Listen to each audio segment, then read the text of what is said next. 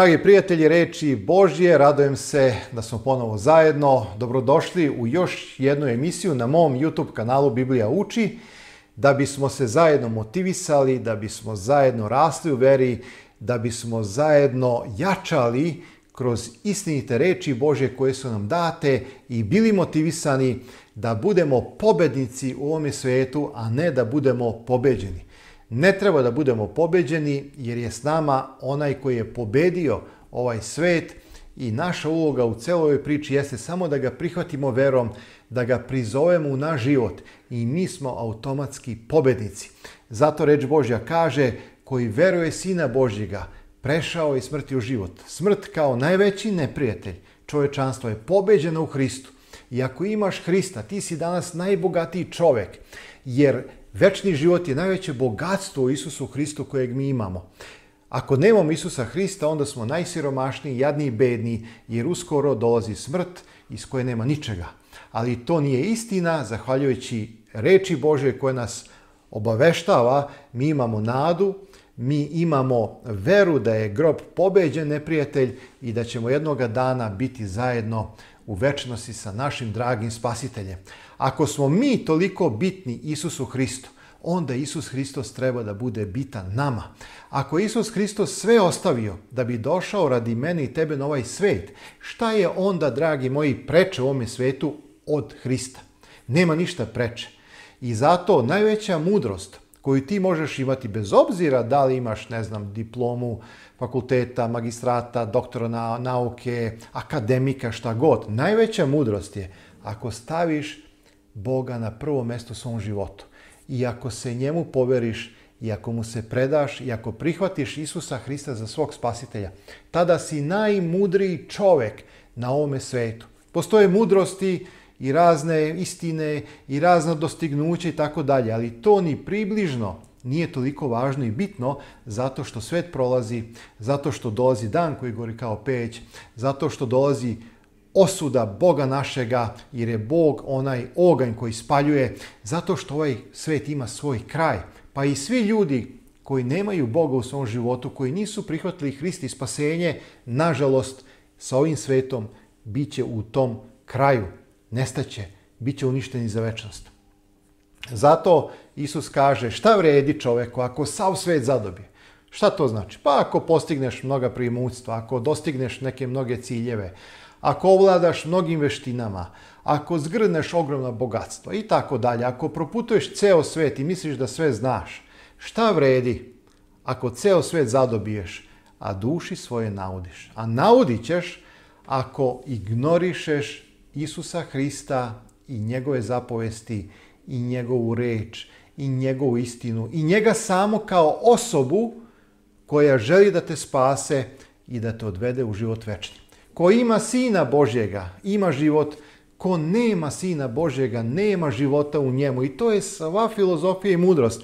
I zato, dragi moji, radujem se što sve to pismo i dalje mogu da delim. Samo da kažem, reč Božja se munjevito širi svakodnevno dobijam mnoštvo informacija, poruka od nepoznatih ljudi, od ljudi koje prvi put vidim na osnovu tih poruka.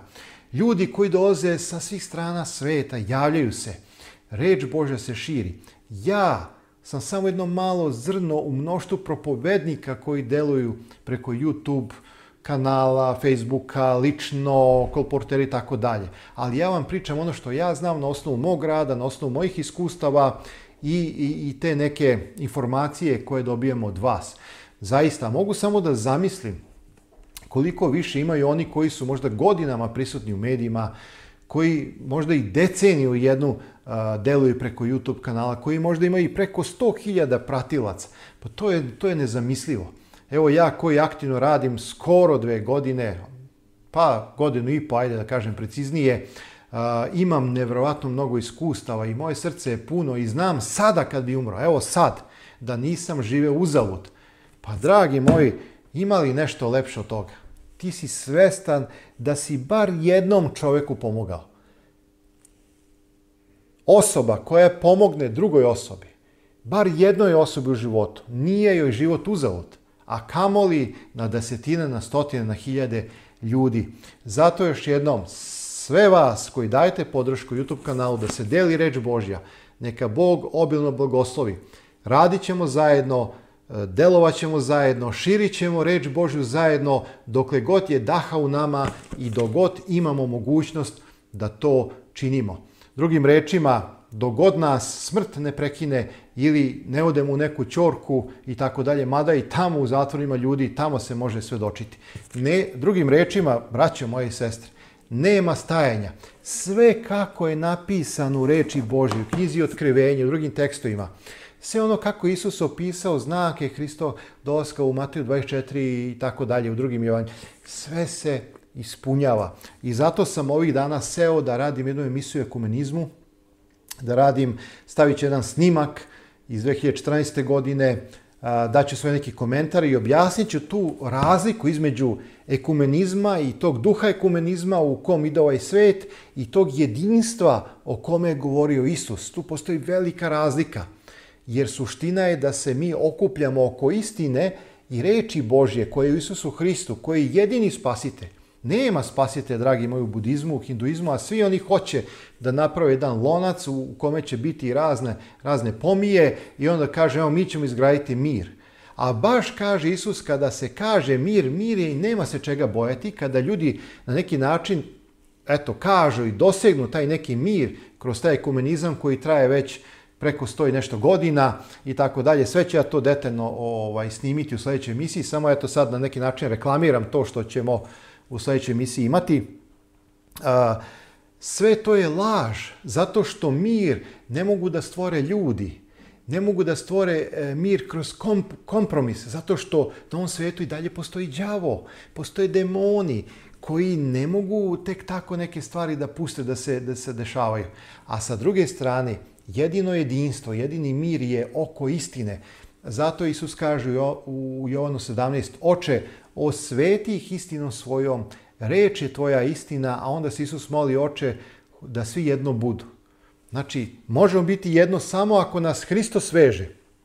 Mi ne možemo deliti oltar e, sa hinduistima, budistima, čak ni muslimanima, zato što muslimani veruju u Išu kao poslanika, ali ne veruju da je on utelovljeni Bog, sin, da je on spasitelj čovječanstva, čak veruju da je Muhamed već od da je veći poslanik i tako dalje. Znači, nema tu, dragi moji, jedinstva zato što je kompromis neprihvatljiv od strane istine Isusa Hrista. Da li mi treba da budemo dobri ljudi u smislu građani? Da. Da li treba da poštujemo jedni druge? Da. Da li treba da pomognemo nekome? Da.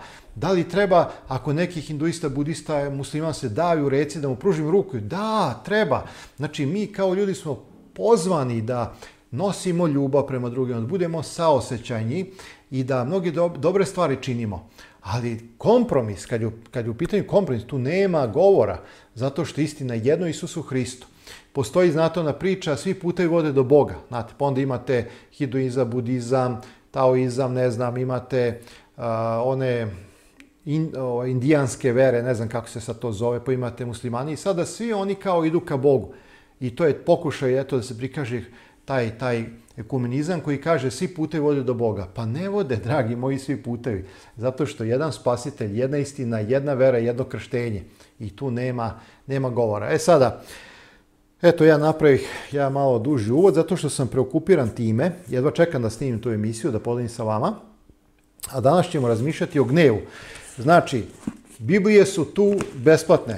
Velika borba koja govori upravo o celoj ovoj priči o ekumenizmu i o posljednjim danima je fantastična knjiga, evo već četvrti paket počinjem da delim, u paketu ima 24 komada, znači knjiga Kuda posle smrti je fantastična i za vašu informaciju srednji format, onaj crveni, savremeni preod više nemam, gledat ću da ga nabavim, znači svih 500 komada koje sam zadnji put otkupio sam podelio, ostao je ovaj veliki format sa većim slovima. Eto, dragi moji, i svakako traktat koji kada imam, ja ću, ja, a sad ga imam, ja ću ga staviti u pakete koje vama a, šaljem. Hajde samo da se kratko pomolimo Bogu. Oče naš koji si gore na nebu, hvala ti u ime Isusa Hrista za život, za snagu, Hvala ti za zajedništvo koje imamo jedni sa drugima u duhu i oko tvoje istine koje ne trpi nikakav kompromis i hvala ti što možemo i danas razmišljati o jednoj važnoj i bitnoj temi, a to je kako se osloboditi ljutnje, kada gnev postaje grešan i kako da budemo upućeni da rešimo ove probleme i sve ono što je protiv nas, a da se oslonimo na tvoju istinu. Zato, dragi oče, predajemo se u tvoje moćne ruke i hvala ti na svemu u Hristovo ime. Amin. Evo, ja sam spravio jednu kratku propoved kako se nositi sa gnevom? Dobio sam dosta pitanja, komentara, sugestija da snimim jednu ovakvu emisiju Propoved. Ja vas samo podsjećam da sam već davno snimio jednu propoved koja je vezana za gnev. Ja ću je pronaći na mom kanalu i stavit ću link ispod ovog videoklipa. Tako da, eto, ko je zainteresovan malo više za ovu temu, ja svakako preporučujem i tu propoved koju sam snimio, jer tu ima zaista dosta biblijskih tekstova i dobrih događaja koje sam obradio. A evo i ova emisija će govoriti o tome, tako da nikada na odmet nije malo više informacija, jer verujem da će nam biti na blagostu. Jedan nepoznati autor je rekao, bez ne može rešiti ništa. Bez ne može izgraditi ništa, ali sve može uništiti. I zaista on je u pravu. Neki dan prelazim ulicu i ispred mene je već bila jedna bakica koja je trebala napraviti još par koraka. Ja sam je uhvatio za ruku da je pomognem, imala je štap, sigurno preko 80 godina žena, sporo jako, da li imala problem sa kukovima i tako ne znam i kada je stala zajedno sa mnom na, na, na put, o, to jest na stazu, taj koji je bio u kolima, tako je naglo pritisnuo gas, toliko dima je napravio sa škripanjem tih guma, a, toliko je ispustio dima iz auspuha, toliko je bio besan što je vjerovatno morao malo više da sačeka na pešačkom, a onda je gnevno otišao. Auto je šetao levo desno, levo desno imao je zadnju vuču, sećam se, i mnogi su očekivali, barem koji su bili u mom okruženju, komentarali su se, evo, evo ga, kaže, vidi, sad će da sleti s puta, sad će udariti u neki auto koji je parkiran i tako dalje, ali na svu sreću otiše. Onda, znate, čovjeka obuhvati neki gnev, zbog tog nekog gneva, nepravde, vama prosto bude žao zašto tako ljudi nemaju strpljenja, zašto su besni, zašto su tako nadbudi, zašto ljudi nemaju toliko ljubavni sa osjećanja prema starijim ljudima. Šta se to dešava s ovim svetom? To nije, znate, to nije neki usamljen slučaj. Toga ima, ima na pretek. Mislim, samo evo, vi koji živite u većim gradovima, jako su velike gužve, ljudi su nervozni. Znači, ljudi pucaju po šavovima. Puno je gneva i ljutnje akumuliranog zbog cijele ove situacije, zbog cijelog ovog zastrašivanja, zbog mnogo smrti koje su oko nas. Ja malo, malo pa budem na nekoj sahrani zbog mnogo tuge, suza, straha i svega onoga što je prisutno oko nas u tom nekom haosu koji nas je zapljusno sa svih strana.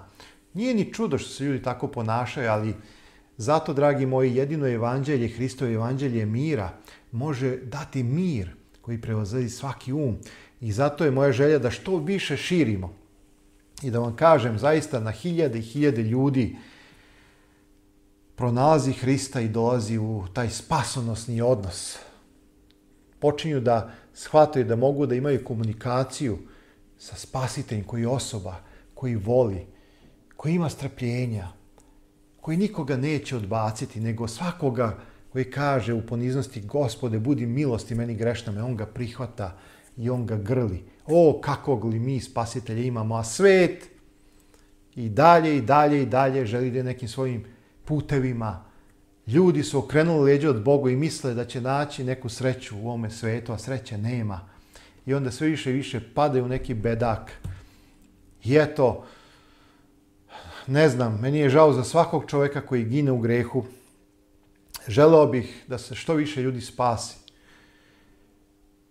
Neko mi kaže, jao Zoki, ti si postao poznat, slavan. Kakav slavan? O čemu pričamo, ljudi moji? Ja želim da budem ponizan u Hristu. Šta je 18.000 pratilaca? Ja znam da mnogi ljudi prate koji se nisu prijavili. Neki ne znaju da se prijave. Kako god. Ali ja nisam zadovoljan. Znate, ovi 18.000 pratilaca, svi koji dajete podršku, ja bih želeo da ima milion pratila. Ja bih želeo da ovaj uticaj koji propovedam iz reči Bože dotakne na milione ljudi.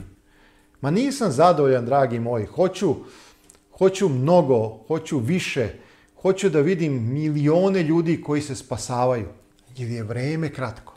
Mi nemamo vremena za, za neki lagodan život, pa tek će da udari žestoka kriza, da će da nam zuju ušima, tek će da krenu žestoki ratovi, gledat ćemo mi te pečurke, ne daj Bože, ali niko ne garantuje da neće biti. Ljudi su spremni na sve, ljudi su obuzeti demonima. I evo, kao što sam rekao, kao što se pripremam da snimim emisiju o komunizmu i tim problemima i koje su razlike između biblijskog jedinstva i ovog svetovnog, tako će snimiti i o duhovima koji se pokazuju i koji imaju velike veze i sa velikim uticajnim vodećim ljudima ovoga sveta, kao što su ljudi iz Bele kuće i mnogi drugi.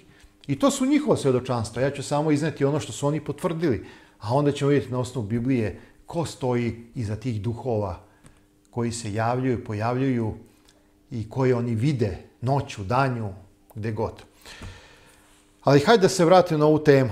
Znači, gnev je kiselina, rekao je Mark Twain, koja može naneti više štete posudi u kojoj se nalazi nego na ono što se izlije.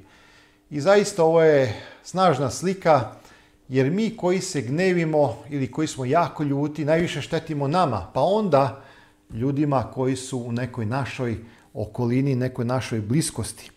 Biblija, dragi moji, osuđuje ljutnju koja može da eskalira u neko delo koje će naneti zlo drugoj osobi ili naneti štete u nekom materijalnom smislu. Ne budi naga u duhu svom na gnev, jer gnev počiva u nedrima bezumnih ljudi, propovednik, sedma glava, deveti, stih. Šta je gnev? Gnev je vrlo snažno osjećanje. Kada ste puni gneva, vaši mišići se stežu, krvni pritisak raste, rasti nivo šećera u krvi i povećava se broj srčanih otkucaja. Kaže jedan doktor, znaš Zoki koliko treba vremena da se telo vrati u normalu? da antioksidanti koje imamo u telu, ako ih imamo, ako ne jedemo voće, ako ne jedemo povrće, ako samo jedemo prerađenu hranu, onda ih nećemo mnogo imati, pa će imati štete. Ali koliko treba antioksidantima da, da očiste telo i da ga vratu normalu.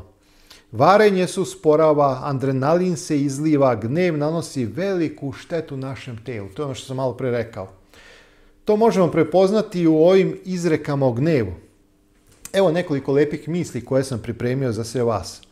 Ljudi koji lete u gnev uvijek imaju loše sletanje. Gledajte koliko je tu u jednoj rečenici rečeno mudrosti iz iskustva. Ljudi koji lete u gnev uvijek imaju loše sletanje. Ili recimo, svako je otprilike onoliko velik koliko je veliko ono što ga može razgneviti. Ovo je rekao Churchill. Fantastična misao. Znate, mi imamo neko mišljenje o sebi. Međutim, kaže Churchill, svako je otprilike onoliko veliko koliko je veliko ono što ga može razgneviti. Ili kineska poslovica kaže nikome ništa ne obećavaj u velikoj radosti i ni na čije pismo ne odgovaraj u velikoj ljutnji. Vidite, e sad sljedeće pitanje jeste da li je gnev greh? Mi proživljavamo različita osjećanja, Osećanja su reakcije na različite okolnosti u kojima možemo se naći poput reakcije e, bori se ili beži. Čuli ste da je rečeno starima, je tako? Sećite se i evanđelje po Mateju 5. poglavlje, 21. 22. stih. Čuli ste da je rečeno starima ne ubi, jer ko ubije odgovaraće će pred sudom. A ja vam kažem, pazite i ovaj izraz kada Isus kaže a ja vam kažem. To ne znači da on pobija, da on negira ono što je Bog dao, nego on ovdje ima autoritet kao Bog u telu da produbi. On želi da objasni šta zapovijest znači. Da zapovijest ne ubi, ne završava se samo na fizičkom aktu kada neko ubije čoveka. Nego kaže, a ja vam kažem da će svaki onaj koji se ljuti na svoga brata odgovarati pred sudom. Ljutnja. Pa na kraju krajeva, dragi moji, e, kako dolazi do toga da neko nanese bol, fizičku povredu ili čak ubistvo nekome? Pa ne dođe to tako, eto, odjedno. Pa prvo se rodi ljutnja, bez. I ako se čovjek ne oslobodi toga, ono kasnije može eskalirati kroz taj fizički moment kada nanesemo bol ili čak oduzmemo život. Vidite, Isus uzima zakon iz Starog Zaveta i ukazuje na to da se dela temelje na mislim i osjećanjima. Ubistvo proizilazi iz ljutnje i mržnje. Misao, vidite, misao prethodi činu. Ne može čin da prethodi misli. Pa zato Isus, osim što želi da spreči zla dela, želi da zaustavi misli. Ako je Duh Sveti u nama, onda će naše misli biti umerene, pozitivne. Bićemo uzdržani čak da mislimo o ljutnji, jer će Duh Sveti to automatski izlečiti.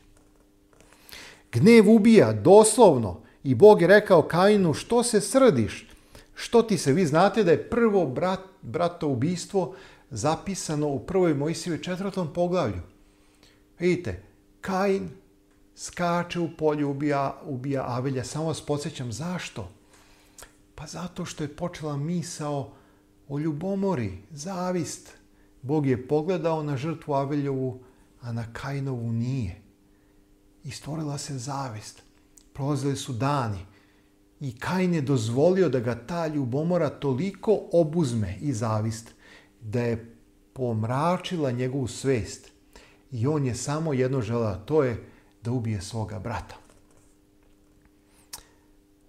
Što se lice tvoje promeni, kaže Bog. Vidite, Bog uvijek Eh, u ono vrijeme je direktno govorio s Kainom, danas to radi kroz duha sveta, ga opominje. Šta radi Bog? Bog želi da spreči zlo. I on kaže što ti se lice promeni. Nećeš li biti mio kada dobro činiš, a kada ne činiš dobro, gnev je na vratima, volja je njegova po tvojem vlašću i ti si mu stariji. Drugim rečima, ti možeš da kontrolišeš. Volja tvoja može da iskontroliše ako si povezan sa mnom, Kaina, ako slušaš moj glas – nemoj mi okrenuti leđa, nemoj nastaviti kajne da ideš svojim putem, jer taj tvoj put će te učiniti ubicom. Iz ovog primjera vidimo koliko gnev može biti opasan. Biblija nam kaže da može imati kontrolu nad svojim osjećanjima.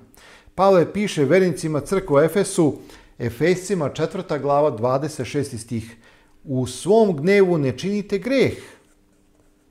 Vidite, zašto? Pa vidite, ako imamo Boga, a šta se kaže za Boži karakter? Gospod, gospod, Bog milostiv, žalosti, spor na gnev i obilan milosređem istinom. Spor na gnev, prašta zlo, pobudni greh. Znači, ako imamo Boga u svome srcu, onda ćemo i mi biti spori na gnev, jer to je osobina Božja. A Bog nam daje svoje osobine zato što smo ga prihvatili verom.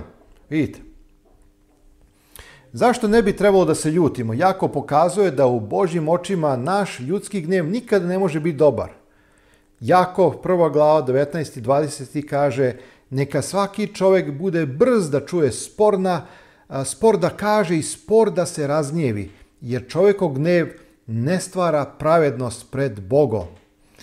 Ili recimo priče 29.11. Sav gnev svoj izliva bezumnik, a mudri ustavlja ga natrag ili ga potire natrag. Evo nekoliko lepih misli koje nam dolaze od apostola Jakova, pa onda vidite iz priče Solomonove, te prosto mi možemo, ako smo mudri u Bogu i ako imamo Hrista u nama, mi možemo potirati gnev natrag.